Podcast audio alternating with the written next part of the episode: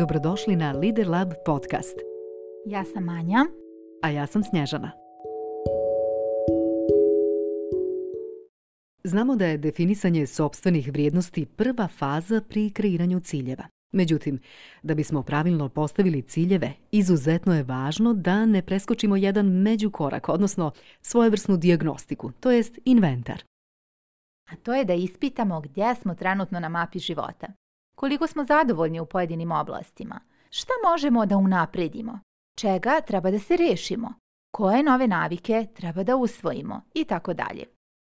Zašto nam je uopšte potreban inventar?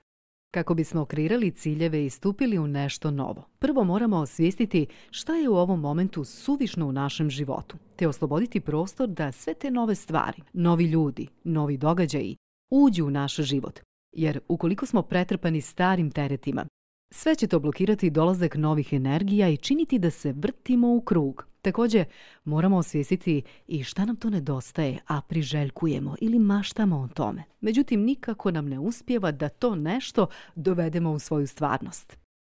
A kako se pravi inventar života?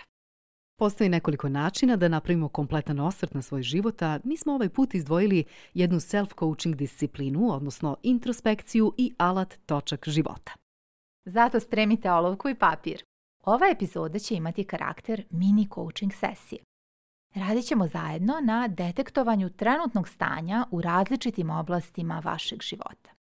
Za početak ovog procesa možete sebi postaviti neka univerzalna pitanja i zapisati odgovore na njih.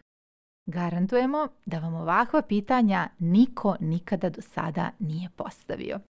Prvo pitanje. Čega biste voljeli da imate manje u svom životu?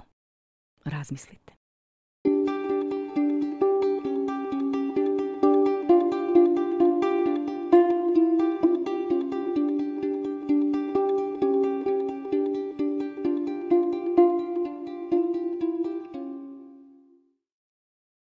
Drugo pitanje. Čega biste voljeli da imate više u svom životu?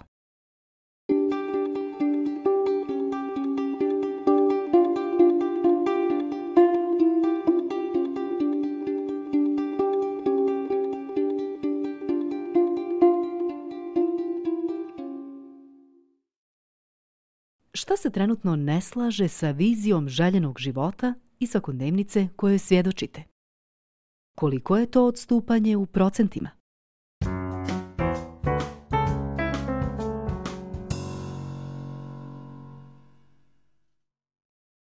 Znamo da ova pitanja nisu nimalo jednostavna i da traže od vas jedan dubok razgovor sa sobom, konstruktivno razmišljanje, analizu, iskrenost i prije svega otvoreno srce. Zaista vredi imati jasnu sliku sadašnjeg stanja prije nego što kreirate ciljeve. I zašto je introspekcija dobar način za uvid u sadašnje stanje? Prije svega, introspekcija je izuzetno važna za mentalno zdravlje svih nas. Svima nam je potrebno malo strukturisanog vremena za posmatranje nas samih, naših života i naše uloge u porodici i društvu, ali iz šire perspektive. Redovno postavljanje sljedećih pitanja. Da li iskreno sagledavam svoje trenutne rezultate? Šta još ne znam dobro raditi? Koje su moje slijepe mrlje? Kako upravljam sobom? Kako se nosim sa krizama i promjenama? Kakav feedback često dobijam? Ima li tu nekog ponavljanja? Šta mogu drugačije raditi kako bih dobio bolji rezultat? Šta trebam unaprijediti? I tako dalje. Dakle, ukoliko dozvolimo sebi da vježbamo introspekciju, vremenom će se poboljšavati poznavanje nas samih a time i sposobnosti postavljanja ciljeva i donošenja odluka koje su više u skladu sa našim težnjama, vrijednostima i potrebama. Znate, kad neko kaže treba mi vremena da razmislim o svom sljedećem koraku, to zaista ima smisla. Vrijeme da strukturisano razmišljamo o sebi, svom životu, svojim izborima je izuzetno važno, ukoliko želimo da živimo ispunjeno. Redovnom sedmičnom introspekcijom ćemo poboljšati i kontakt sa realnošću, sa onim što se zaista dešava, a minimizirati našu subjektivnost i preuveličavanje. Lakše ćemo analizirati naš odnos prema članovima porodice. Posmatrat ćemo svoje greške, propuste, možda otkrimo i pokoju slijepu mrlju koje do tada nismo bili svjesni. Redovnom introspekcijom i postavljanjem ovakvih pitanja mi širimo svoju mentalnu mapu, pravimo svjesnije izbore, postižemo bolje rezultate, a samim tim povećavamo i sobstveni kapacitet da bolje razumijemo i druge osobe. Šta se dakle dešava ako ne primjenjujemo introspekciju? Pa nestajemo da promislimo. Ostajemo na poslovima koji nas unesrećuju ili u vezama koje uništavaju energiju ili u okolnostima koje nas uznemiravaju i frustriraju.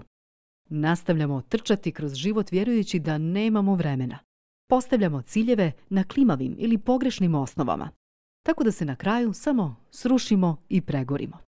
Zapamtite, jedini način da održimo dobar korak sa životom jeste da nekada pauziramo, da se izmaknemo i odzumiramo iz svakodnevne trke, da na miru razmislimo o tome šta funkcioniše za nas, a šta ne, da prepoznamo šta treba zadržati i šta treba promijeniti.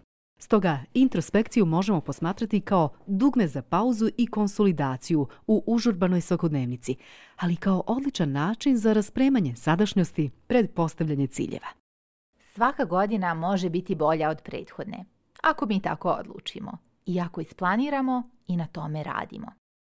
Uspješni ljudi znaju da su odgovorni za svoj život, bez obzira na svoju startnu poziciju, svoje slabosti i prethodne neuspjehe.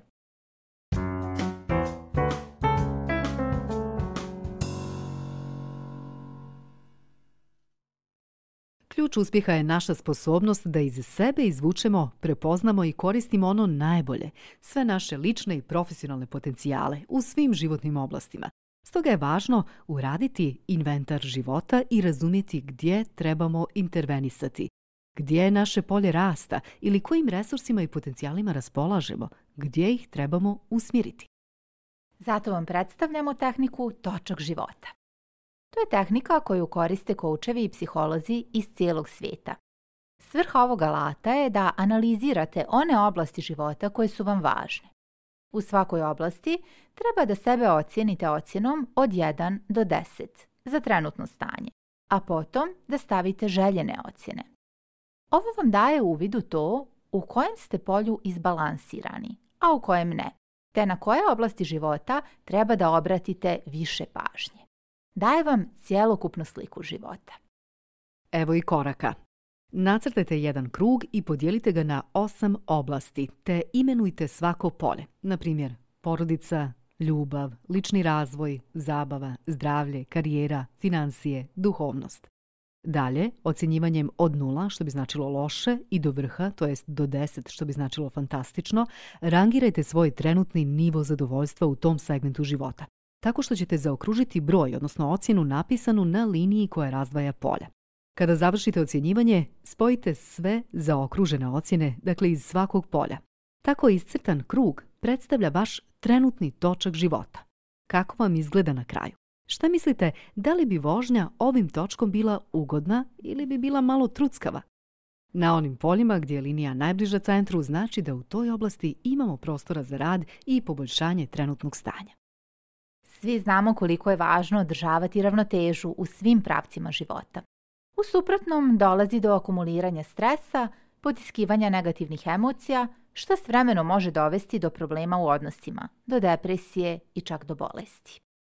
Sa ovom jednostavnom vježbom ispred sebe ćete imati jasan vizuelni prikaz čime treba prvo da se pozabavite da biste svoj život doveli što bliže balansu – te u kom pravcu treba da razmišljate prilikom kreiranja ciljeva. Na linku u opisu epizode možete pronaći formular za ovu vježbu, odnosno točak života sa već definisanim pomenutim poljima i objašnjenjem kako da uradite vježbu. Srećno!